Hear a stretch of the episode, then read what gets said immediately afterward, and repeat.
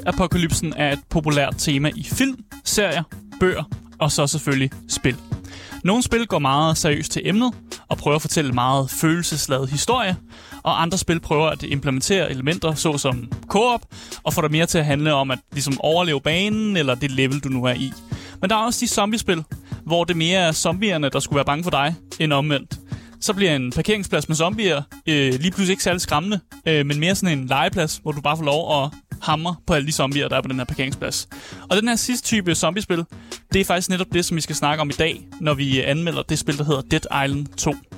Den stemme, du øh, lytter til lige nu, det er mig, Asger Bukke. Og den stemme, du lytter til lige nu, er Ja, det er vel Daniel. Ja, Daniel Mølhøj. Ja, den er god nok. lige dit eget navn, eller Nej, det gør jeg ikke, men jeg kunne godt, øh, jeg kunne godt mærke sådan, er det i dag, at jeg, at jeg debuter mit alternative navn? Det, det synes jeg måske ikke. Nej, vel? Nej. Lad os tage det næste, næste uge. Ja. Fra næste uge af. Så ja. tager vi den fra næste uge af. Yes, lige præcis. Hvis du sidder derude og tænker, hold nu kæft, man, hvad er det, vi lytter til lige nu? Så er det altså dagens anmeldelse af, selvfølgelig, Dead Island 2. Jeg, har aldrig tro, jeg tror aldrig, jeg skulle sige det.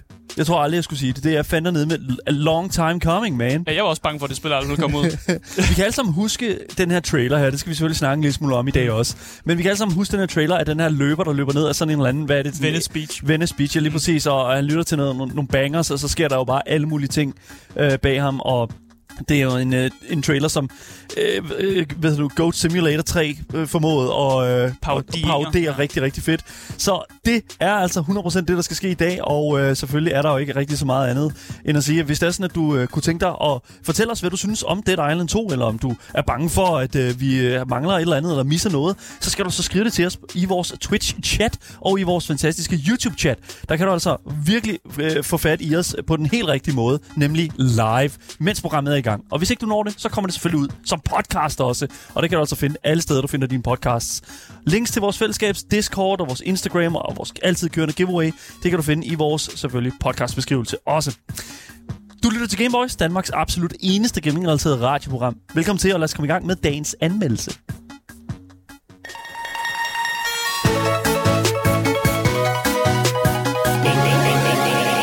Gameboys.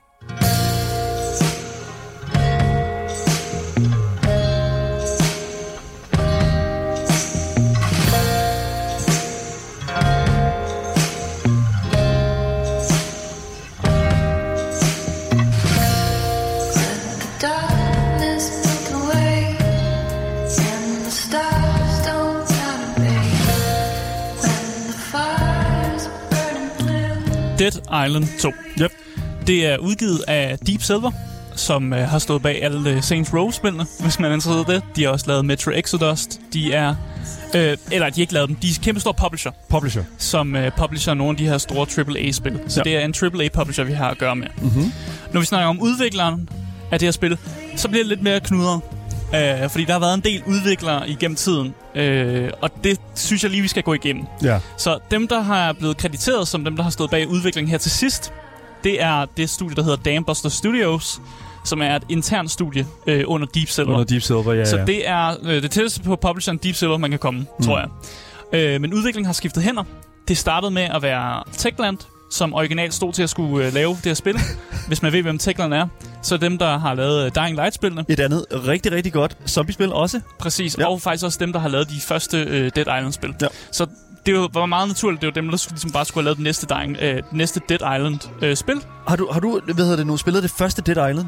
Ja, det har jeg faktisk. Okay, fordi jeg har ikke spillet det første Dead Island. Mm. Og jeg vil, jeg, udover selvfølgelig den øh, enkelte YouTube-video her der, det er jo ikke at spille det, men i hvert fald at opleve det på en vis, vis måde. Og jeg vil faktisk mm. sige sådan, at at der er meget sådan... Det er lidt ikonisk, faktisk. Ja, lige præcis. Der er meget få mm. spil, som, som går ud og gør det, som, som jeg føler, det første Dead Island jo et eller andet sted gjorde. Mm. Uh, det der med sådan at, at tage RPG-elementer og sådan noget, at tage sådan, uh, sådan uh, det der sådan rollespilselement, Ja. og putte det ind i en zombie-setting. Ja, bare lave nogle lidt andre takes på zombie-spil, fordi dengang, ja. altså, dengang det kom ud jo, der var det meget øh, ligesom Left 4 Dead, og den der sådan co-op zombie-shooteren, det var Ja. den, der ligesom fyldte meget. Sure. Øh, og, Og, det var ligesom... det, det første Dead Island er også co-op. Altså, du Ja, har også mulighed for... det- ja, lige det er det her også, Ja, kan jeg ja, fortælle. ja, ja, ja, præcis.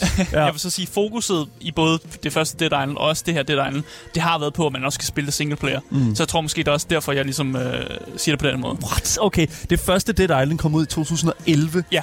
Damn. Okay. Ja, men lige for at snakke om udvikleren af det her øh, spil igen. Sure. Det var Techland, der stod til at skulle lave spillet, Ja. men så blev deres øh, anden øh, titler, Dying Light, det blev så populært, at de simpelthen de hoppede fra og besluttede sig for, at nu, nu laver vi kun Dying Light, og nu laver vi lidt, lidt vores egen ting. De gik solo, kan man mm. sige det sådan. Ja, det kan man godt sige. Øh, og så bagefter det, så besluttede øh, Deep Silver for, okay, men så skal det være det her firma, der hed Jaeger Development, som skulle arbejde på spillet. Og de arbejdede så på Dead Island 2 indtil 2015, hvor de kom i en konflikt med Deep Silver omkring, hvad det her spil egentlig skulle handle om, og hvad der skulle foregå i det. Ja. Øh, Deep Silver var ikke super meget enige i, hvordan development var gået, så de bootede øh, Jaeger Development, og besluttede sig for, at det var et andet øh, firma, der hed Sumo Digital, der, der skulle arbejde på Dead Island 2. Oh, okay. Men Sumo Digital måtte også smide håndklædet i ring i 2019, fordi de heller ikke levede op til de standarder, som Deep Silver havde sat. Okay, Deep Silver har fucking høje standarder for, De hvad, har- der, hvad der skal foregå. De har nogle standarder, og øh, når jeg kommer til i den her anmeldelse og snakker om, øh, hvad developerne har lavet i spillet, så snakker jeg måske mere om Deep Silver, Ja. som har siddet som sådan en tung hånd over hele det her projekt. Øh, og det var også derfor til sidst, efter 2019, at de besluttede for, okay, det bliver nødt til at være vores interne studie, Dambuster Studios, der sidder med spillet, så vi Ja. er så tæt på som overhovedet muligt jeg med kan, godt, udviklingen. jeg kan godt huske tiden omkring sådan 2019 og 2020, ikke? Altså sådan, fordi at, at det der er med det, det er jo, at vi på det tidspunkt får den der sådan, alright, det her spil her er i development hell. Ja, og det virker, historien med den her udviklingsfase virker også som om, at det er, det er development hell, Ja. ja. som er ret godt beskrevet i hvert Og fald. det, det er derfor, det er så fucking imponerende, at det reelt set øh, er et spil, der udkommer. Altså sådan det, at vi, at vi rent faktisk ser det her spil her komme ud. Ja. Øh, fordi der er mange spil, som ender i development hell, men ikke ligesom, ikke ligesom øh, jeg tror sådan, øh, som, som Deep Silver, som, som Deep Silver, right? Ja, det er Deep Ja, Silver, ja, er Deep Silver. Øh, Jeg tror, der er meget få publishers, som tænker, okay, vi bliver nødt til at blive ved med at poste penge i det her.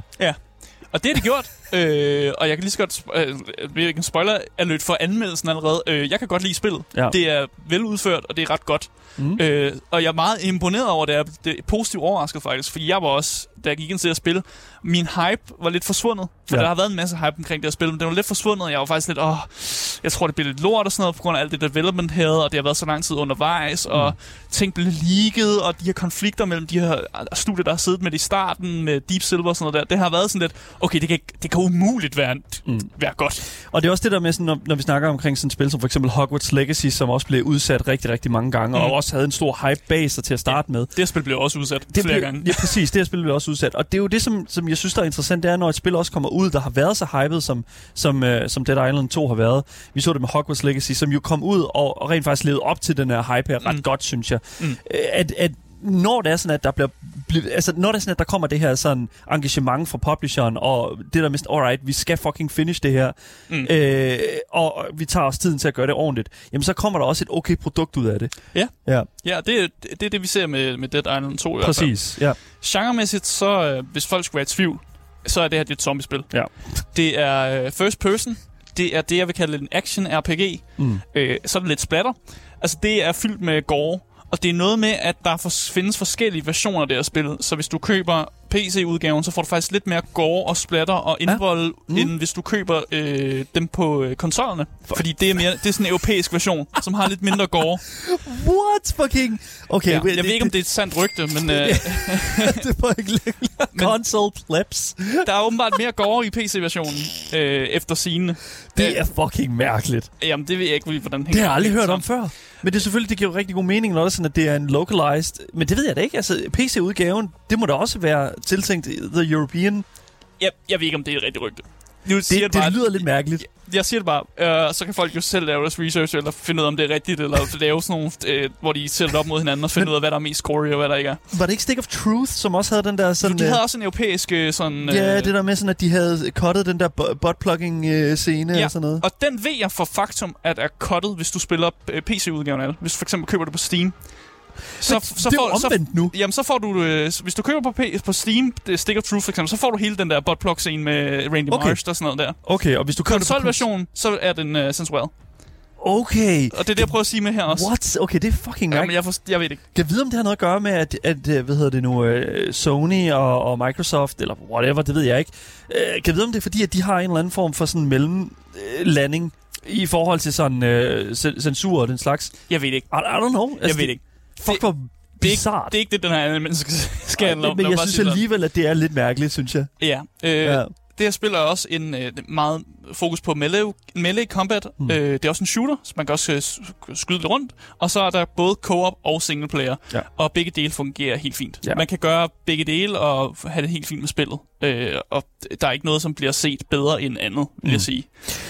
Det, det, ja, så jeg tror, hvis du, hvis du ikke kan lide zombier, don't play this game. Det tror jeg bare, det er sådan, Ja. det, er, det, der den er. Det men, jeg også. men en anden ting, der var også, at der var mange, der sådan sammenligner det her spil her med selvfølgelig, et, et, et, som vi også snakkede om, Techlands øh, tidligere øh, spil, altså øh, Dying Light. Ja, det er jo klart. Og det, der kunne jeg egentlig bare godt tænke mig sådan at, at spørge, hvad synes, hvilket spil synes du, der er bedst, Asger? Er det Dying Light, eller er det Dead Island? Jeg synes, begge spil er gode på hver deres måde. Okay. De kan nogle forskellige ting. Mm. Dying Light, der er fokuset meget på øh, parkour, og der er et fokus på, at øh, når det bliver nat og sådan noget der, så sker der nogle andre ting i dynamikken mm. med, hvordan zombierne fungerer. Sådan fast gameplay, dr- dropkicks på zombier. Præcis, og Ja. jeg føler, at der er meget mere fokus på sådan RPG-elementet i Dead Island. Ja. Altså, zombier har health bars, de har navne, de har, altså der er noget stamina, man skal sådan øh, jonglere rundt med, og nogle skills og sådan noget, nogle, øh, en masse, flere RPG-elementer er ja. indblandet der. Jeg har sådan en idé om, at hvis du er sådan til, til Far Cry-spillene, eller hvis du er sådan, har spillet nogle af Bethesda-spillene før, så tror jeg også, at Dead Island falder ret godt i hak med, med dig som gamer. N- nej, Det tror du ikke? Det- Nej, Okay. nej, det, der tror jeg bare, jeg vil sige, nej, det, det nej. Jeg Okay. tror, jeg, Far Cry og det her spil er langt væk fra hinanden, faktisk. Men det er mere i forhold til sådan gameplay pacing. Nej, Jeg tager udgangspunkt for Far Cry 3 her. ja, men det, du øh, nævner open world-spil, og Dead Nå, Island for- 2. okay. Jamen, det er ikke rigtig den måde, de, den tilgang, Klassisk de har Asger til... moment. Nej, men jeg, det, jeg, der vil jeg være uenig. Jeg tror ikke, det er den samme type spillere, dem der vil... Jeg tror, en Far Cry-spiller og en, en Dead Island-spiller er alligevel lidt anderledes, tror jeg. Nå, men altså, det- hvis vi ser bort fra sådan open world, og vi ser bort fra sådan, altså, jeg tænker mere i forhold til sådan combat, jeg tænker mere i forhold til sådan gameplay mechanics, altså i forhold til RPG mechanics og den slags. Sigurd giver mig ret i øh, chatten, vil jeg lige pointere. Ja, men jeg er, stadig, for så er jeg, uenig, jeg er uenig med jer begge to, fordi... Altså, jeg har ikke spillet spillet, det er bare lige sige, det, du er... Du Far Cry er en shooter. Ja. Der er mere fokus på melee combaten i Dead Island 2. Det er der simpelthen. Og det er der jo i Far Cry-spillene. Øh, og hvad var det? Be- Be- Be- Bethesda? Var det Far nogle af Bethesda-spillene, sagde jeg bare. Altså, jeg, ja, jeg det synes jeg Skyrim og den slags, men Nej, altså, det synes jeg heller ikke. Der, jeg var lidt uenig med Okay, det var mest bare for at finde en type gamer, der måske kunne finde Dead Island 2 interessant. det. Jeg tror ikke, det er den type gamer. Hvem tror du, der, hvem tror du, der Det synes, du kunne det, være er, interessant? det, er zombie, det er zombie-slayer-personen. Det er personen, der har spillet Dying Light og godt kan lide det. En person, der måske øh, har spillet... Øh, for eksempel har spillet, hvis du har spillet, øh, øh, hvad hedder det, ikke det Last of Us, men det andet, Back for Blood og alle de der spil, øh, Left 4 Dead måske, Som også er meget sådan Som øh, også godt shooting. co-op shooter, og sådan, det må Ja. godt være lidt mere til den kaotiske side, og ikke så meget fortællermæssigt, som det er i Last of Us. Den mm. måde, at man godt kan lide det lidt kaotisk, men det er stadig sådan lidt med noget historie, og der er nogle lidt RPG-elementer der. Okay. Den type spil. Men det er sjovt, fordi jeg havde nemlig det indtryk, øh, som kommer udefra, som har spillet øh, Far Cry, og som har spillet sådan, hvad kan man sige, Skyrim og den slags der. Når jeg kigger på det her spil her, så er det sådan, alright, fair enough. Det ligner sådan en lille smule af det, som, som, ja, som jeg fik der. Altså, jeg tror, at jeg vil synes, at det her spil var interessant, er hvis jeg kom derfra. Nå, men altså, Ja. det er meget muligt, men det er, sådan, det, det, er det, der ligesom vil tiltale mig Ja. Det, med det her spil. det, det her er ikke en Skyrim-spiller. En Skyrim-spiller vil ikke... Vil ikke øh, at man kan selvfølgelig godt være... øh, Gamer kan være altid. Selvfølgelig, jeg kan også godt lide Skyrim, men jeg kan godt lide at spille. Mm. Så man kan godt lide dem begge ting, men det er ikke det, er ikke det samme. Det er bare ikke det samme spil. Så du tænker, at den gamer sådan vil blive skuffet over Dead Island 2, hvis de kom hen og spillede Dead Island 2? Jeg tror ikke, der er særlig mange spillere, der vil blive skuffet af Dead Island 2. Okay. når de køber det. Okay, det, fair det er hele min pointe. Det er et ret godt spil. Ja. Så altså, hele den her samtale er faktisk lidt... Jeg ved ikke, den, jeg føler den lidt altså, ligegyldigt faktisk. For Okay, fair enough. Så Jamen altså, alle kan komme til spillet. lad os gå videre. Jamen, det kan vi godt. Jeg synes, det er bare interessant et eller andet sted, hvor man kommer fra som gamer. Altså, ja, jeg, jeg, ja synes, det er fair nok. Og det, og det er så, bare lige for sådan, det her spil her, det er sådan et spil, som, sådan, altså, som der er blevet talt rigtig meget om i rigtig Ja. mange år. Jeg tænker også sådan, at at, at det, når man kigger på, altså bare combat i sig selv, det skal vi også snakke om, Mm. øh, synes jeg er sådan meget definitivt sådan Dead Island. Ja. Det er, sådan, det, det er virkelig, et- det er næsten, det, det, det er Dead Island-spil. Ja. Det, det, det er det, jeg tror, jeg vil, sådan, jeg vil lægge det. Fordi, det er fedt, altså, du kalder Dead Island-spillet for Dead Island-spil. Nej, nej, men altså sådan... Wow. Okay, Det, det, det, det var det, du nåede hen. Godt jeg nåede derhen, fordi... Nej, men altså, kom nu, mand. Altså, det, jeg synes, det er interessant, hvem det er, der går til sådan et spil her. Fordi det er ikke alle, jeg tror, det, der vil blive fanget af en zombie-setting på den måde der. Og et, RPG, et, et RPG-spil på den måde. Ja, det kan vi godt sige. Det er, det er noget unikt. Fair. Ja. Det er der, vi er kommet ind. There it is. Lad mig snakke lidt om uh, platformprisen her. Ja. Øh, for der er en lille forskel. Hvis du køber på PC, der kan du kun få det på Epic Games. Øh, der koster det 429 kroner. Det er meget billigere, end du kan få på kons- konsolversionerne. Både på Playstation og Xbox, der koster det 629 kroner. Altså 200 kroner dyre. Det vil sige, der er 200 kroners forskel fra PC-udgaven til øh, konsoludgaven. Det er en kæmpe forskel. Faktisk større, end det mm, no, nogle gange plejer at være. Altså normalt plejer vi at se, at den er 100 kroners forskel, men her er der så 200 kroners forskel. Og det synes jeg lige er... Mm. What the fuck? Hvad sker der for det? Ja. Øh, men det er jo klart, Epic vil gerne konkurrere, og de gør jo tit det, hvor de så øh, kan simpelthen kan putte prisen ned. Jeg aner ikke, hvordan de gør det, men de må have nogle, virkelig nogle Fortnite-penge at spille med her, siden at de bare kan sådan, tage prisen ned på det niveau. Ja, Øh, det har er vel noget, der. I don't know, det har vel noget at gøre med i forhold til, øh, til altså, øh, jeg tænker også et eller andet sted, at Epic Games er interesseret i at hive folk over på deres platform. Selvfølgelig. Selvfølgelig. Øh, Det ligger ikke på Steam? Nej, det ligger ikke på Steam. Nej, okay, fordi Det det er, er- jo også et eller andet sted det. Epic som- Exclusive. Det kan jo være, at Epic, ja, som du siger, Epic har jo et eller andet sted sikkert lavet en aftale der. Ja. Og sige, det, det skal bare ud på vores, og sådan er det, så lægger vi en bedre pris ind. Præcis. Ja. Men hvad går Dead Island egentlig ud på? I Dead Island 2, der tager du rollen som en af seks valgfri karakterer. Og alle de her karakterer, de er ombord på det sidste sådan, evakueringsfly, der skal forlade Los Angeles. Men der sker et zombie-outbreak på det her fly, og øh, militæret øh, skyder simpelthen bare flyet ned, fordi det er fuck man, der er zombier. Vi Might ned. as well. Og øh, du styrter ned, og du befinder dig nu i midten af den her zombie-apokalypse, der er i gang i øh, L.A. Og, øh, du overlever flystyrtet, øh, men det lykkes dig faktisk også at blive bidt af en zombie, øh, da du styrter sådan ned. Heldigvis finder du ud af, at du er immun. Damn. Og det giver dig så to mål, som du så arbejder hen imod i det her spil. Det ene mål, det er selvfølgelig, komme ud af L.A. Der er en masse zombier, du må gerne ud af den her fucking apokalypse-zone, som det er. Og så vil du også gerne hjælpe med at fremstille en eller anden kur, fordi du har det der super seje blod, som du, som du gerne vil på en eller anden måde hjælpe med at fremstille en eller anden form for kur. Mm. Og jo længere du så kommer ind i spillet, jo flere evner får du, jo flere skills får du, du samler øh, større og bedre våben op, og du, dit arsenal og hvad du kan, bliver ligesom større og større. Det er meget sådan typisk. Og det er egentlig det, som Dead Island 2 egentlig går ud på. Fair enough. Så jeg synes egentlig bare, at vi skal komme ind i noget øh, gameplay i Dead Island 2.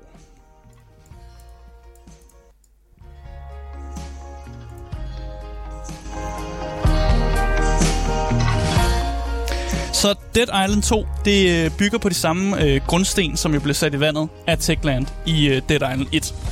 Og nu kan jeg kalde det 1, det, hedder bare, det første hedder bare Dead Island. Det, det er og dejligt, lige men altså bare for at differentiere, det giver Ja, ja, nok meget god præcis. idé. Det vil altså sige, at hvis du også er fan af sådan nogle spil som uh, Dying Light, så tror jeg også, at du nok godt bliver fan af Dead Island 2. Fordi fokuset fra Deep Silver øh, har nemlig været at lave et, ligesom et zombiespil, som skiller sig ud fra mange af de andre sådan, zombiespils konkurrenter, der er derude. Det vil altså sige, det er ikke et zombiespil, som prøver at være dark and gloomy, som sådan Last of Us, Days Gone, nogle af de her spil, hvor, hvor det virkelig er, det er trist. Det er lidt trist at være med i zombie-apokalypsen. Okay. I Deadline 2, der er alting lidt mere sådan farverigt og sjovt på en eller anden måde. Og jeg ved godt, at den her titelsang, den er også lidt dark and gloomy. Alt andet musik i spillet er mere sådan catchy popmusik, sådan Ja. lidt rockagtigt og sådan noget med. Og det, det sætter meget tonen af, at det er meget sådan mere sådan en sådan lidt mere forfriskende på en eller anden måde.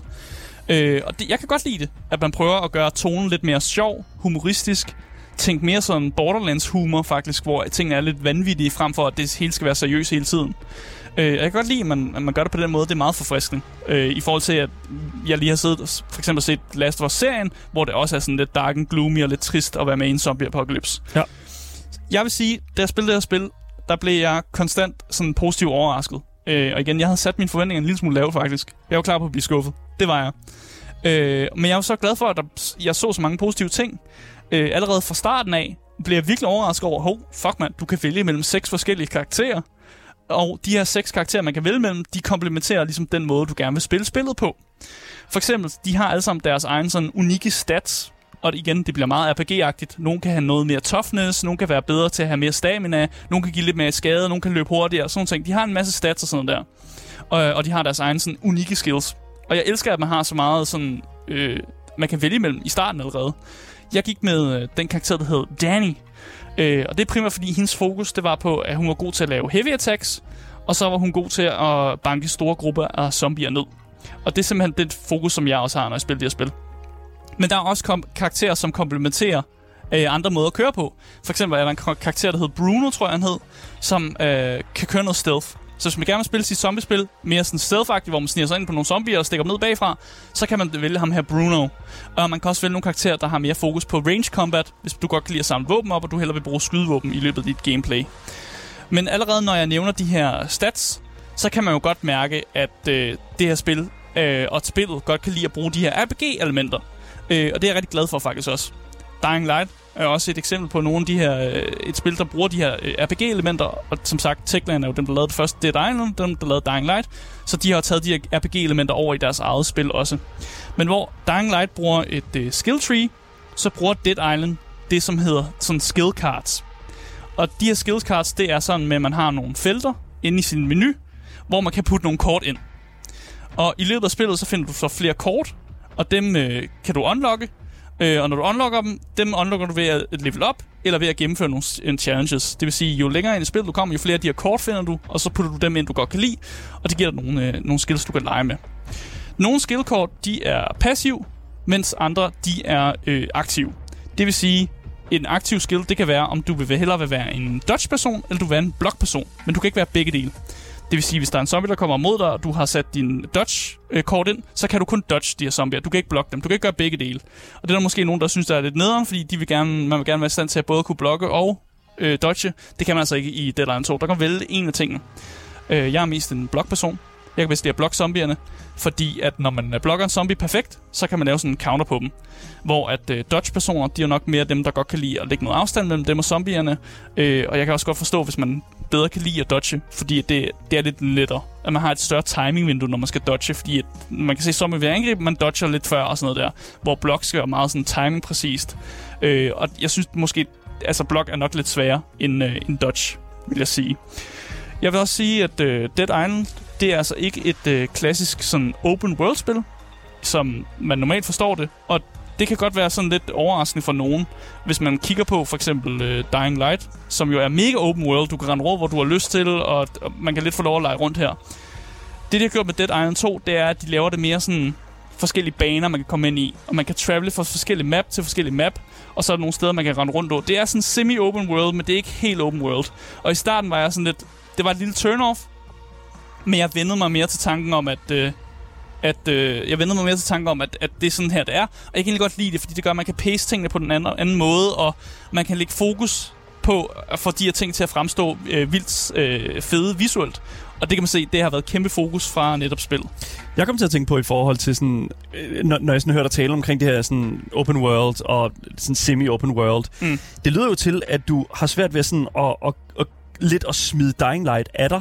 Det har jeg. Ja, fordi det, at, altså, når det, vi skal, De er så tæt Ja. på hinanden, de her to spil. Jeg kender det nemlig godt, fordi at, at Ja. når vi snakker om sådan Dark Souls og andre Souls-like-spil, det der med sådan at, at spille et Souls-like-spil, som hvis det var et Dark Souls-spil. Det er ikke altid, at det converter pr- præcis fra, den, e- fra det ene til det andet spil. Nogle mm. gange så skal man altså lige glemme, at ah, okay, det er et Souls-like, det er ikke et, et, et, dark, et From Software Souls-like. Ja. Jeg kender godt den følelse, og jeg synes også, jeg, jeg kan godt forstå, at det er svært. Det, som jeg måske synes, der er, er meget interessant, det er jo netop det her med, om der er plads til begge de her spil her, om der er plads til... Nu er der selvfølgelig Dying Light øh, 2 øh, øh, kører jo stadigvæk rimelig sådan, øh, øh, aktuelt. Del, der, den sidste DLC, hvornår var det? Det var, det var ikke så lang tid siden. Nej, præcis. Øh, og de lavede ja. også faktisk... Øh, jeg ved ikke, om det var sådan en spite move, Mm. men det Dying Light gjorde, det er, at øh, på nogle dage før, at det er launchet, så lavede de sådan en kæmpe stor update Ja. i, Dying, i Dying Light 2. Ja. Og Epic Games gav faktisk også Dying Light sådan den første Dying Light-spil, det gav de væk gratis her for ja. En uge eller to uger siden.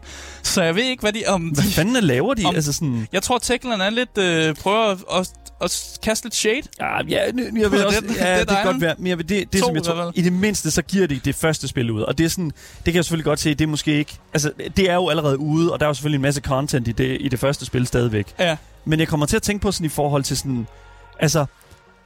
Hvad, nu har jeg jo set, at Dead Island øh, i, sådan, i løbet af de sidste tre dage har solgt for over sådan 100... Eller, undskyld, 1 million co- copies. Ja, det, så, altså, det, sælger, det sælger som varmt brød. Ja, Dead gør Island t- 2 sælger som varmt brød. Det er Ja. jo selvfølgelig også en del af hype-faktoren. Det, det er jo også øh, en del af det. Ja. Men, men jeg tror ærligt talt, at...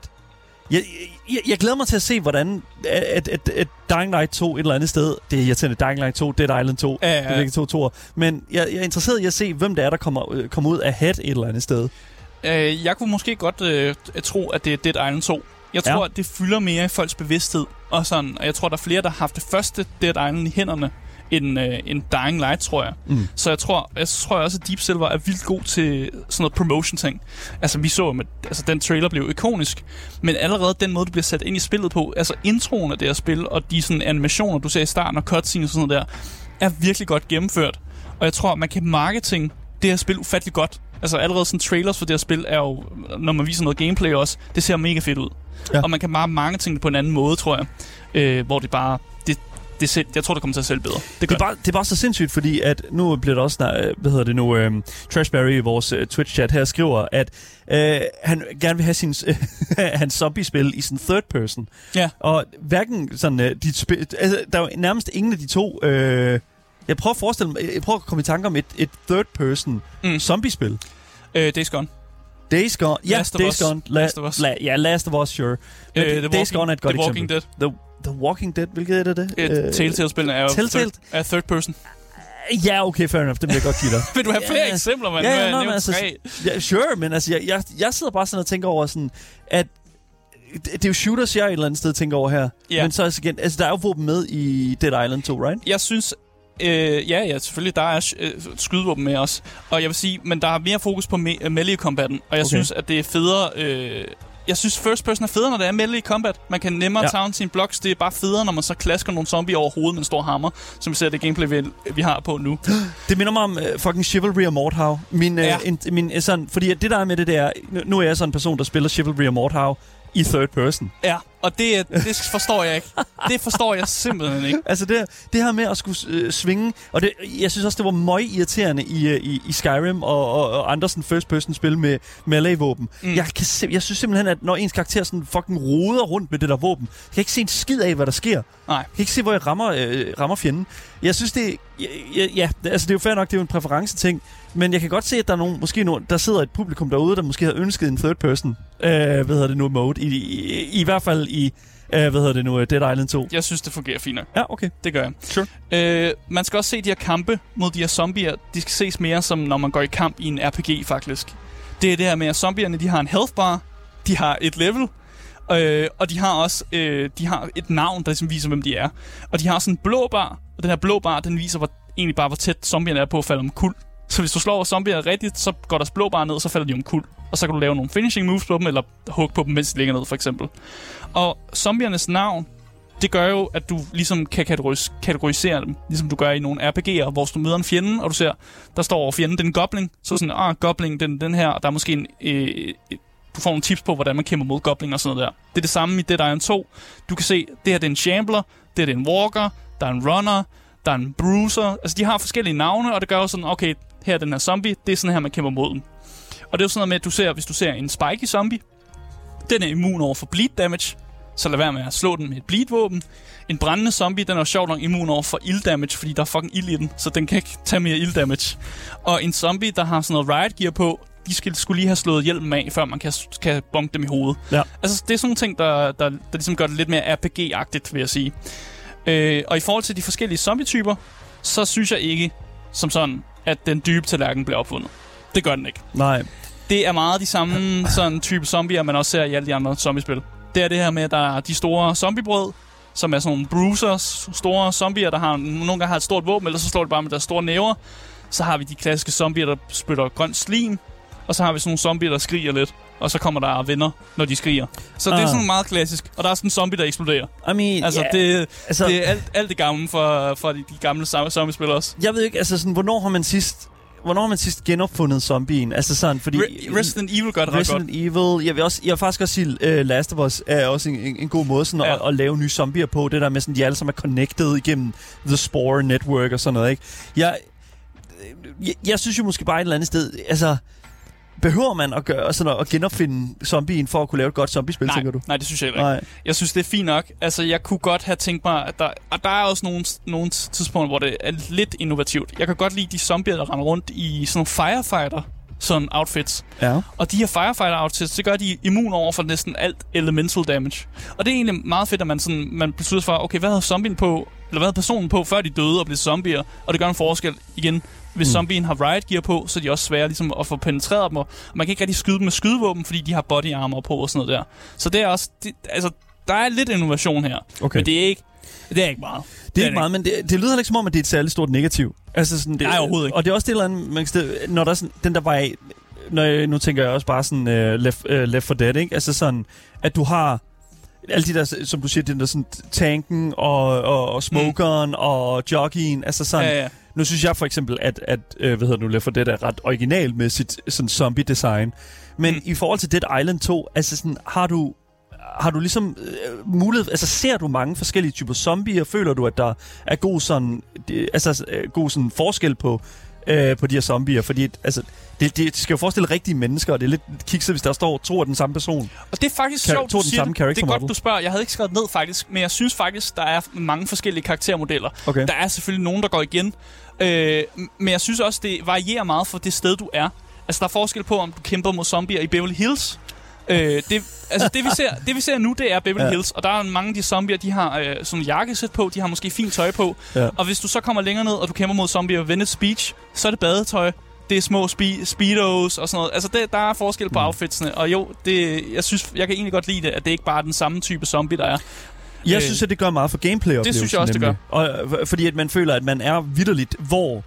Altså lige nu øh, i det gameplay, vi sidder og ser her, der befinder du dig i Bel Air. Ja. Ikke? Og, og, og altså... Det, det, jeg synes bare et eller andet sted, at det er meget velset fra, øh, fra hvad hedder det nu... Øh, og hvad er det, udvikleren hedder nu? Det er jo ikke Jeg, jeg siger bare Deep, Deep Silver, fordi der har været så mange det er udviklere Deep, ja, det er Deep, ja, af det her spil. fuck, hvad skal man vælge? Så tag publisheren. Ja, lige præcis. Deep, jeg synes, det er velset for, for Deep Silver, øh, og, og sådan at sige, alright, fair enough. Der skal være fokus på, at, at karakteren ligesom bef, altså, er fucking øh, befinder sig det sted, de befinder sig. Mm. Fordi du kunne godt bare have lavet normal clothes. Det synes jeg for eksempel Days Gone var rigtig dårligt til. Ja. Det var vidderligt bare... Der var også ret mange zombier, der skulle øh, det nu, ind samme sted. Ja. Så bare fucking make the same character. Men ja, det er bare sådan en lille smule flavor, som jeg synes, man skal give Deep Silver. Øh, give, altså give dem sådan, alright, that's pretty fucking cool. Ja, jeg tror, at der har været en uh, visual uh, department, og det er noget, Okay. også, vi kommer også til at snakke om, når Ja, vi snakker om det visuelle. De har været, altså de har fandme gjort det godt. Ja. Altså der er nogle, noget, det ser vildt godt ud, den kreative med, hvordan de har designet de forskellige ting, og bygninger og steder og sådan noget der. Altså der er fucking perfect. Mm. Altså den, de der creative, creative, kreative mennesker, der har siddet og kigget på artwork og sådan noget der, de har fandme gjort det godt. Uh, det kommer vi ind på senere, kan jeg sige. Ja. Okay, fair enough. En ting, jeg gerne vil snakke om, det er, jeg kan godt lide den måde, man har revurderet sådan larm, og hvordan larm fungerer. Hvad skal det sige? Det er fordi, i mange zombiespil, så er det der med, hvis du laver larm, så tiltrækker det zombier. Der har man valgt at sige sådan, okay, nu tager vi lidt kreativ frihed her. Fordi bilalarmer, tyverialarmer og høj musik, det tiltrækker zombier. Ja. Yes, det er fair nok. Sure, det, det har vi lært i Left 4 Dead. Men de har besluttet sig for, at hvis du tager skydevåbner op, eller du laver store eksplosioner, eller du kaster granater, det laver ikke larm. Det tiltrækker zombier. Det er helt fint. Og jeg kan godt lide det. Du kan godt lide det, okay. Yes. Ja. Man kan argumentere for, at det bryder immersion, fordi hvorfor fanden tiltrækker det ikke zombier? Men jeg synes, at det giver mere øh, ro på, eller det giver mere sådan frihed til, at du kan fucking gå amok på de zombier og bare kaste rundt med lort og hive fucking din fucking granatkaster op eller eller, eller andet fuck, og bare gå helt amok i det, uden at det tiltrækker enormt mange zombier. Fordi en af de største fejl, som jeg føler, et spil som Dying Light gør, det er, at du faktisk ikke lyst, du har ikke lyst til at bruge skydevåben. For lige så snart du begynder at bruge skydevåben, så kommer alle zombierne. Ja. Og det er meget fedt, det her spil, for der har du lyst til at bruge skydevåbne, fordi de tiltrækker ikke zombierne. Så det, der kan du godt rende rundt og blæse zombier med en shotgun, og have det mega fedt med det. Ja. Og jeg kan godt lide, at man har taget sådan lidt en kreativ frihed, og, og, og man siger sådan, okay, det giver ikke så meget mening, sådan immersion og lovmæssigt, men du skal jo have det sjovt som spiller, Ja. og du skal have lov til at kunne bruge de her våben. For ellers er der ikke en grund til, at man får shotgun. Nej, Du selvfølgelig. lyst til at bruge Det er klart. Altså, jeg kan godt se, hvorfor de har taget den beslutning at, at lave det på den måde. Altså, fordi 100% når du... Øh, når du har et, et system, hvor et zombier bliver tiltrukket af bare, altså, du slår den mindste Mm. mm. altså, så er det klart, så giver det også et mere intenst, øh, sådan, øh, combat gameplay. Mm. Og hvis det er sådan, at din karakter vidderligt kan lave altså sådan, øh, tre øh, hedder det nu, øh, saltomortaler af en øh, skolebus og øh, hedder det nu, øh, dro- dropkick en zombie og flyve over væggen, mm. sure, så kan du også komme hurtigt væk fra den der sådan larm og hurtigt væk fra den der sådan, øh, den, den combat. Mm. Men i, i Dead Island 2, der har du også bare lidt mere, det ser det i hvert fald ud til, sådan, hvad kan man sige, altså det, hvis det er melee combat og sådan, altså det er ikke så fedt at løbe rundt på samme måde, fordi at, at Du, har ikke, du kan ikke parkour. Nej, lige præcis. Du kan ikke parkour. Og det er også det, som jeg synes et eller andet sted er meget fedt. Og jeg, Hvis du ikke kan parkour, så skal du kunne være fedt og lave alt det andet så. Ja, det, præcis. Præcis, ja. Ja, og, og det synes jeg måske et eller andet sted bare også er... Jeg var faktisk meget skeptisk lige da du sagde det, men du fik det faktisk til at give meget god mening for mig. Og jeg synes det... Men jeg synes også, det er sådan lidt... Altså, det tager også lidt af den der sådan Det, tager, jeg siger, intensitet, det, ikke? det tager noget af immersion, og det tager noget af det der, man, man er sådan lidt, okay, hvorfor øh, kommer zombien ikke løbende, når jeg gør Ja. det der? Men igen, hele spillet er ret useriøst på en eller anden måde. Mm. Altså, det, det er sådan, du, selv det der med, at du kan have otte, du kan have otte våben equipped på samme tid.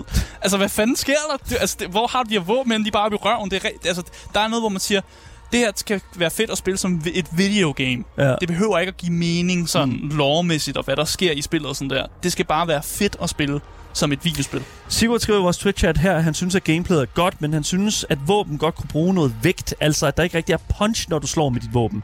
Han synes, at guns Ja. de føles en lille smule off, og han ved ikke hvorfor.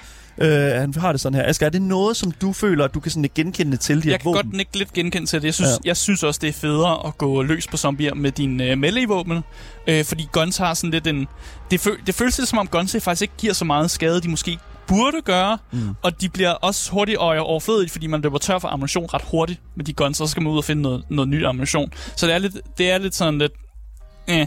Okay. Men der er alligevel nogle... Øh, når man begynder at få opgraderinger til sine guns, og man begynder at putte mærkelige sådan fucking fire damage på sin gun og sådan noget der, mm. så begynder det lige pludselig at give lidt mere mening. Ja, okay, Så det, enough. det kommer sådan, når du kommer længere ind i spillet, vil jeg sige til, til Sigurd, der har stillet spørgsmål.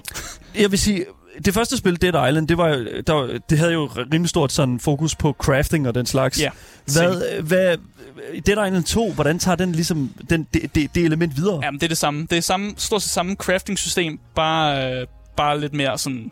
Ja, mere, mere crafting. Mere jeg crafting. Og det er jo det der med, at man... Det er jo whack, whack crafting, kalder jeg det for. Ja. Og det er det der med, at du har en samurai-svær, du finder, og så går du hen til et working table, og så sætter du en fucking flammekaster på det samurai-svær, og det fungerer bare. There it is. Det er whack crafting. whack crafting, jeg Ja. kan godt lide det. Og man samler blueprints op i løbet af spillet, som jo så giver flere opgraderinger, og så kan man putte forskellige mods på sit våben. For eksempel, mm. hvis du du kan, hvis du gerne vil have dit våben er bedre til at øh, hugge lemmer af dine zombier, så kan du putte det på. Du kan også øh, lave sådan nogle, hvor du siger, okay, jeg vil gerne give mit våben mindre durability, men det giver mere skade. Ja. Så man kan tage sådan nogle trade-offs på forskellige våben, man har. Okay, okay. Øh, man skal være klar på, at øh, når man crafter, det koster jo selvfølgelig nogle sådan components. Og de her components, det er jo noget, man skal finde rundt omkring. Ja, du, Så- jeg så i gameplayet, at man bare går og looter alle mulige ting. Ja, det er lidt nederen, at det ikke, der ikke er en autolooter. Fordi at du, når det er på PC, så laver man ikke andet end at trykke F konstant. Bare sådan, du, du, du, Altså, du spammer F. Loot everything. Ja, og det er lidt et kritikpunkt, vil jeg sige faktisk, Okay, at ja. man, man skal spamme F så meget for, ja. for at kunne samle loot op. Jeg vil hellere have, at det, at det bare var automatisk. Fordi penge, hvis det, pungen og sådan noget, det samler ham med ens person automatisk op. Ja. Jeg forstår ikke, hvorfor man ikke bare kunne lave det system med alt loot. Men jeg forstår ikke, altså, så, så det, der, det, du har et problem med, det er, at du skal samle hver enkelt lille ting op. Ja. Okay, fordi, altså, øh, altså, så det ikke er bare sådan, at du går rundt, i, lad os sige, sådan, i en stue, og så øh, search drawers, og så får du bare alt op, hvad der var i den Jo, drawer? når man search on draw, så får man alt op, men nogle gange Okay. så ligger componentsne jo løst forskellige steder, Ah. og det er der, hvor man så skal spamme F-knappen for at samle de forskellige components op. Det, I'm sorry, jeg, jeg, I'm sorry, jeg bringer Skyrim lidt ind i det igen her, men det er lidt ligesom Skyrim, når det er sådan, at du går rundt i Ja, den her dungeon og bare tager mønter, og den enkel, de der sådan enkelte guldmønter, der ligger på bordet. Ja. Fucking irriterende. Ja, det er lidt irriterende. og, og tydeligvis har de lavet et system for, at man automatisk kan samle ting op, så hvorfor har man ikke beholdt det med de andre ting? Det Ja. forstår jeg simpelthen ikke. Nej, okay.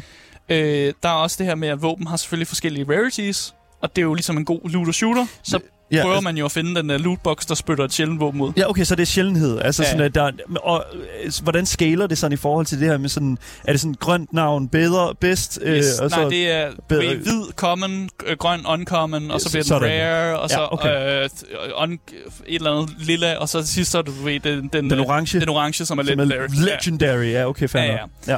Øh, og det er jo der, hvor man så... Det bliver en, lidt en looter shooter, fordi man skal finde de her lootboxes, som smider et godt våben ud og sådan noget der. Mm. Men det er godt. Det er god for dopaminen. Ja. Det, kan, det kan jeg godt lide. Jeg kan godt lide, at sådan, åh, fik jeg det orange våben? Uh, det, det føles godt. Og så har man det våben i lidt tid, og så bliver det faktisk lidt overflødigt, fordi man stiger level, og man finder et bedre våben, som har mindre rarity. Og Åh. man skal bare let, let it go, ikke? Grønne tal. Ja. Love it. Ja, numbers go up. og sådan er det også. Når man slår en zombie, så er der også de tal, der viser, hvor meget skade du giver. I love it. Og hvordan, Okay, det, det er en meget sådan... Det, altså, det er virkelig RPG-agtigt. Ja, det- jeg altså, elsker det. er det. sindssygt, at, at de, nu ved jeg godt, det er sådan en meget minor thing. Men, Men også altså, sådan lidt comic book-agtigt. Ja, Man får sådan nogle gange, får man sådan, what. hvor der står maimed, hvis du fucking kvæsker en zombie over hovedet, når du Ja. træder på den, eller hvis du hugger noget af, så maimer du zombien. Og det kommer med stor sådan comic book skrift sådan bag zombien. Og hvis den er immune, så står der også immune, når du slår den og sådan noget der. Okay, det, Det er det, mindste, det er det mindste en ting, der er med det. Det er også sådan i The Division.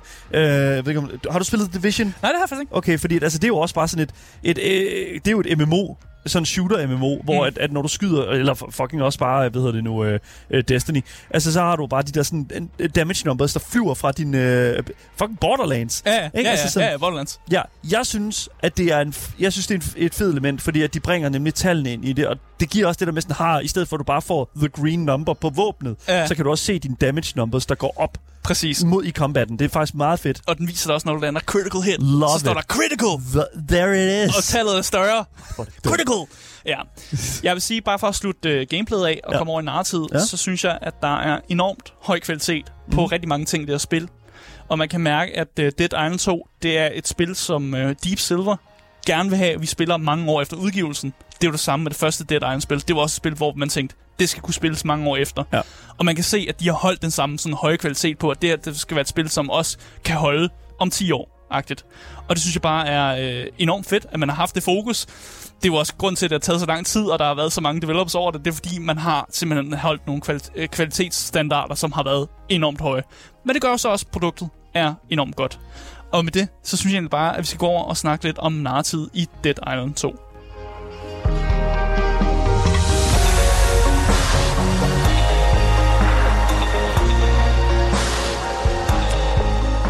Så narrativet og den øh, generelle tone i spillet er meget humoristisk, øh, og det, er- det er jeg fan af. Jeg skal bare lige høre sådan, når du siger humoristisk, så er der mange ja. Niveauer. Sådan, den, altså, er vi, er vi ude i sådan Saints Row, øh, som, som, altså, hvor, som jo er meget mere humoristisk end, lad os sige, det, øh, sådan, hvad kan man sige, slapstick humor humoristisk, end Ja. lad os sige for eksempel GTA. Øh, vi er nok måske tættere på GTA, faktisk. Okay. Og sådan lidt en blanding mellem... Jeg tror, vi er mellem GTA og Borderlands. Ja, okay, for ja. Borderlands er også, altså, okay, fair enough, mellem GTA og Borderlands. Ja. Ja, Okay. For det er jo det her med, at vi er blevet fodret med så mange sådan zombie-apokalypse popul- i populærkulturen, at det jo faktisk er, at de tænker, at vi skal gøre noget lidt anderledes, mm. end det meget triste, dark og gloomy. Ja. Og i Dead Island 2, der har man simpelthen besluttet sig for, at øh, stort set alle de karakterer, du møder, de opfører sig ekstremt urationelt og fucking dumt. Altså, de, stort set alle er dumme, på en eller anden måde. Og så dialogen og sådan de samtaler, der finder sted i spillet, de er også bare dumme. Og man finder sig selv i at sige det der med sådan, altså sådan her, der er ingen mennesker, der vil snakke.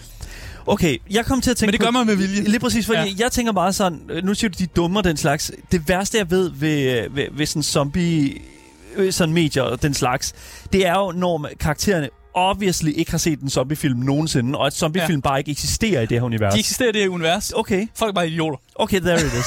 det, det var det værste, jeg vidste med sådan The Walking Dead og sådan noget. Ja, Ja, Som ja. om, at de bare overhovedet ikke nogensinde har set en zombiefilm, sådan ever. Og det er bare sådan, what? Kom de- nu. De har styr på det, men det er bare den måde, deres tilgang til det, fordi altså, der er le- legit en storyline med nogen, der øh, ikke bliver evakueret, fordi de beslutter for, at de får at vide, at de skal evakueres, og så holder de en evakueringsfest for at fejre, nu bliver de evakueret. Og så glemmer de, så sover de over sig og bliver ikke evakueret, fordi de er mega tøvmænd. Det, det minder mig sindssygt meget Fucking om... grineren. hvad, hvad var det? Boris Johnson, der holdt den der fest der under corona, ikke? Ja, ja. Sådan en haveparty. Whoops. Men det er også det her med, at spillet finder jo sted i L.A. Ja. Ja. og Hollywood og alle de her kendis og sådan noget der. Så Dead Island 2 har ligesom prøvet ligesom at lave det der med, hvor vi laver nogle stereotype Hollywood-personer, som ikke rigtig kan finde ud af det der med, hvordan de skal agere under en zombie-apokalypse. Mm. Og det er egentlig lidt sjovt på en eller anden måde. Man, man på en eller anden måde gør grin med sådan nogle, nogle kendis-stereotyper. Og igen, min favorit, det er de her karakterer, der hedder Ricky og Roxanne, som er de her, der sover over sig. Ja. De har holdt en evakueringsfest. Og de spiller et band, der hedder The Guards and, Guards and Whiskey. Og det er sådan et gammelt rock and roll band og sådan noget med... Og de jo bare sådan, ja, yeah, man, de lever bare højt på, at de var fede i 80'erne. Agtigt, ikke? Jeg elsker den måde, de er opbygget på. Det er meget stereotypisk, men det er bare sådan lidt sjovt og sådan lidt dumt på Ja. en eller anden måde, man gør det sådan. Ja. Men igen, det generelle narrativ er super let at følge. Der er ikke super mange twists og turns. Der er skøre sidequests, så hvis man vil kigge på dem, så er det det, man gør.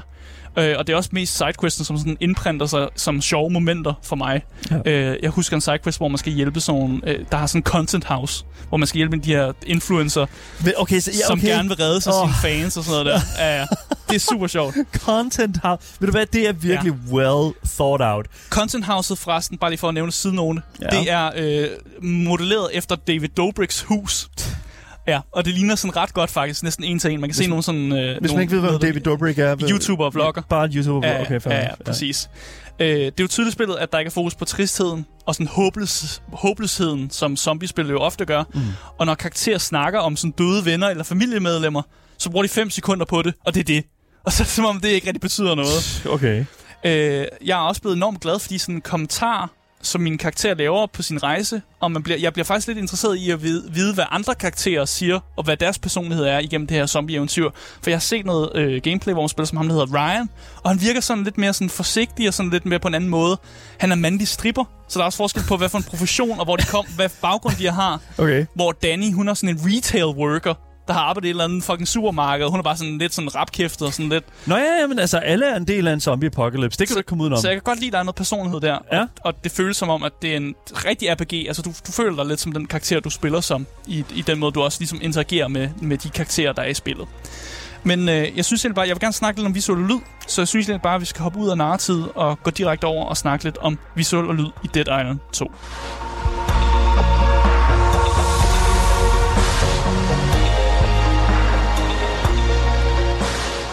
Visuelt så ser spillet enormt flot ud, Ja. når du render rundt Det er enormt, det good. ser vildt godt ud, Ja, det ser faktisk rigtig, rigtig godt ud. Og Deep Silver forstår altså også godt, hvordan man skal introducere altså introducere til deres spil. Mm. Øh, det kunne vi jo se helt tilbage med den her announcement trailer fra 2012. Den infamøse announcement trailer. Det er virkelig en famously, øh, altså virkelig en famous øh, trailer, synes jeg. Men virkelig, jeg kan virkelig. også mærke det bare i starten, den her cutscene, og når man den her main menu, du bliver mødt med, det ser fucking godt ud, og man, de har Ja. puttet så meget arbejde i, og introduktionen til den her spil skal være så god og virkelig imprintes. Og det er introduktion på, på samme hold, som når Borderlands laver en introduktion af deres karakter og sådan noget der. Man bliver virkelig sådan, wow, det er fedt at, at komme ind i den her verden på den her måde. Se, det, er jo, det synes jeg er interessant, at du sådan bruger sådan Borderlands-delen, øh, hedder det nu, øh, Borderlands intro-formatet. Ja, for et det er samme. Det er sådan en god, Ja. en god sang, der spiller, Ja. mens nogle karakterer bliver introduceret. Mm. Det er sådan, man skal gøre det. Ja, ja, ja, er sådan, man ja. introducerer karaktererne. Og det er også et eller andet sted sådan, altså det sætter virkelig tonen fra start af, men det er også, nu hører vi, det vi hører her, det er jo altså den der sådan Danger Mouse sang, der hedder Drown, Ja. øh, som virkelig også bare, altså, som bare sætter også en, en interessant stemning, Altså ja, som, som Jeg vil sige, det det er- ikke lugter så meget af selve spillet. Nej, jeg vil sige, alt det andet musik, der er i spillet, det er meget mere pop og Ja. catchy. Ja. Og det er sådan nogle, når du er Venice Beach og kæmper mod zombier, så får du sådan lidt, lidt sådan et lidt sådan øh, rocknummer, som har sådan lidt nogle, hvad skal jeg kalde det, weed vibes, eller sådan lidt... øh, Weed vibes? Jamen, det er sådan lidt chill. Der er, Hasker. sådan, der er sådan noget lidt... Jamen, det er jo rigtigt. Venice Beach er kendt for sin hash. Nu stopper du. Ja. Det, det, er jo, det kan høres musikken også. Ja, ja, ja. Og sådan noget. Det er sådan noget øh, Hotel of California-agtig musik, der spiller, ikke? Nu hører vi lige en lille smule af sådan reallyden her.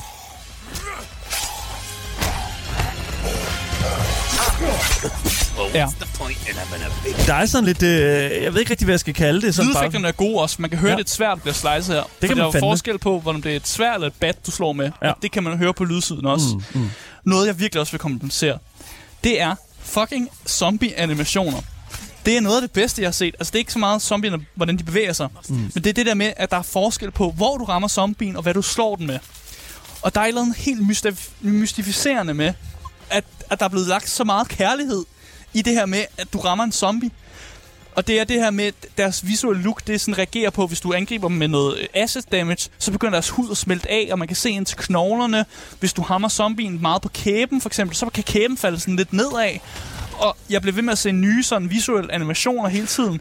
I går, der slog jeg en som bunkede jeg en zombie med en wrench oven i, oven, oven i hovedet. Ja. og så faldt øjnene ud. Men zombien var stadig sådan i live og kæmpede videre. Og jeg var sådan, what? Zombien mangler. Skal jo ikke bruge øjne? Jeg har Asger? lige bunket øjnene ud på den her zombie, og den kæmper videre, og sådan noget. Du kan slå kæber af, og ja. ben og arme og sådan noget med, og zombien kan godt kæmpe videre i noget tid og sådan noget der. Mm. Altså, det, visuelt, også når du sætter ild til den, så begynder den sådan, de begynder at blive helt sådan kulsorte, fordi du selvfølgelig fucking steger dem og sådan noget der, ikke? I love it. Jeg elsker den måde, man vælger at gøre det på, og når man bruger noget bleed damage, så laver man sådan nogle store hook i zombierne og sådan noget der, og der er, der er kæmpe forskel på, om det er battet, du slår med, så laver du nogle gange sådan indents, hvis du slår ind på ribbenene, så kan du se, hvordan du kommer ind til ribbenene og de indre organer. Det er, det er så meget kærlighed, Det- lagt ind i det her sådan gore-system. Jeg vil næsten sige, det er sådan... det, er næsten, det er næsten lidt, lidt overgjort. Det er så klamt, og det er så dejligt. Det er så dejligt, at der er nogen, der tænker, fuck it, Ja. ja. nu går vi bare all in på at gøre det her så klamt og gory som overhovedet muligt, så det bare, man bare har lyst til at pløje flere zombier ned. Og det gør Asger rigtig glad, for Asger vil rigtig gerne pløje flere zombier ned.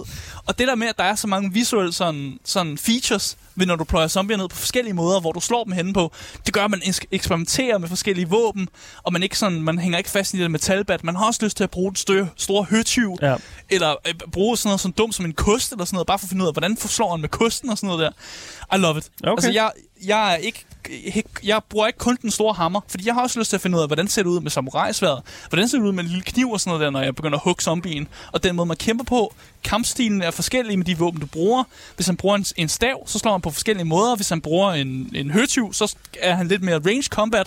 Mm. Kæmpe forskel på, hvordan du bruger det, og visuelt kan man mærke det. Og det, jeg, det er bare... Altså, hatten af. Hatten af for, at de har brugt så meget tid på det. Bare lige for at vende musikken hurtigt igen her til sidst. Ja, Soundtracket, enormt fed. it's pretty good. Lydsiden, enormt god. Det har det her øh, ikke seriøse også til sig. Det er meget poppet, noget catchy, nogle, nogle rockede melodier, der også spillet sådan her. Øh, og igen bare, når man hører de her sange, de også har valgt at putte ind i spillet, det er enormt godt øh, valgt. Øh, og der er nogen, der virkelig har tænkt sig om, hvad, hvad skal være tonen i det her spil. Det skal være sådan lidt anderledes end andre zombie-spil, mm. hvor det hele måske er sådan lidt, øh, ja, som dark and gloomy, jeg vil med at sige det. Ja, ja. Øh, lydeffekterne, igen, mega gode. Man kan høre forskel på, øh, når det er et svært, du kan hugge med, og når Ja. det for eksempel var en stegepan. Der er ikke stegepander med i spillet. Jeg har Det- ikke fundet en. Nej, nej, det, det, I would love it. der er ikke nogen grund til at øh, komme i et lawsuit med PUBG lige Ja, det er foreløbig. rigtigt. Men jeg vil ja. elske sådan en god boink stegepande. Men øh, ellers så er lydene stadig øh, enormt gode i det her spil. Øh, og bare, altså virkelig, visuelt, lydmæssigt, så brillerer Dead Island 2. Og det er det, de slår sig på brystet med, og når man kigger på det her gameplay, så kan man se, hvorfor. Mm. Øh, og det holder, og det er også derfor, jeg siger, at der er enormt meget quality of life i det Ja. visuelle og i den lydmæssige side af det her spil. Ja. Cool. Øh, og jeg synes egentlig bare, at vi skal øh, begynde at runde den her anmeldelse af. Vi begynder at løbe tør for tid. Ja, ja.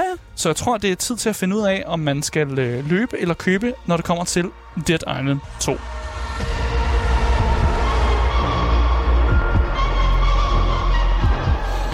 Så Dead Island er et øh, spil, som øh, har brugt rigtig lang tid om at blive lavet. Det har været øh, blevet annonceret tilbage i 2012, øh, og det har oplevet den her hype. Men jeg vil faktisk sige, at øh, selvom det har været mega hyped op, og jeg har mine, de, de forventninger, jeg har haft, har været meget sådan ambivalente, så synes jeg, at det er et enormt underholdende spil. Øh, det er et spil, der helt, helt, helt sikkert tiltaler de gamere, som godt kan lide at slå hjernen fra, og bare ligesom få lov til at være en del af det her kaos, og bare sådan pløje zombier ned. Øh, men igen, der er virkelig høj kvalitet, rent visuelt, rent lydmæssigt i det her spil, og gameplayet er også, det er lige innovativt nok til, at det, det kan klare sig, ikke? At man ikke lige keder sig. Øh, og selvom de forskellige zombier, de, det er jo ikke, man, det er ikke en dyb tallerken, man har opfundet her, så er der stadig, øh, så er der stadig skægt at banke dem, og der er stadig noget at hente her. Mm. Så jeg vil sige, Dead Island 2, det er et spil, som jeg kun kan anbefale, øh, altså ja, højt anbefale, hvad jeg vil sige. Ja. Og hvis man synes, prisen er lidt for høj lige nu, så er det her spil, som jeg har sagt, det er lavet til at kunne være relevant i mange år. Ja. Så jeg tror også, der kommer nogle tilbud på det, og hvis man ikke har lyst til at købe det nu, så er det også relevant om nogle år, tror jeg. Og så kan man, man kan godt vente med at købe det lidt. Men jeg synes, det er en anbefaling værd. Okay. Jeg synes også, det er penge værd, faktisk. How long to beat siger 17,5 time. Jeg har brugt og, Og Asger har brugt mere. Jeg har brugt mere, jeg er ikke færdig. Fair enough. Der, prisen er jo selvfølgelig Ja. ja. en lille smule anderledes øh, på øh, hvad hedder det, Epic. Er den øh, 429 kroner for øh, base gamet, og så har du ellers 600 og, øh, 629, 200 29 kroner dyre på... på, øh, kontro- på konsollerne. Så, Ja. ja. så det er der, hvis du har en god øh, gaming-computer, det er måske der, du skal gøre det. ja, det vil jeg også sige. Øh, vent til godt tilbud måske på øh, konsollerne. Men ellers så er det bare et fedt spil, og hvis ja. Ja. du ikke kan vente, så synes jeg også, du bare skal købe det. Fordi det er fedt, og Cool. du, du bliver underholdt øh, fra start til slut, vil jeg sige. Cool. Det er mega fedt. Tak for anmeldelsen, Asger. Yes.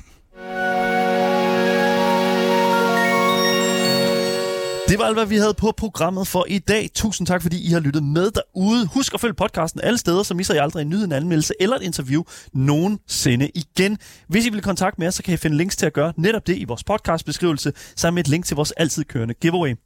Vi er tilbage igen i morgen med meget mere gaming og meget mere Gameboys til jer top tier gamers, der sidder derude. Vi ses alle sammen. Ha' det rigtig godt. Hej hej.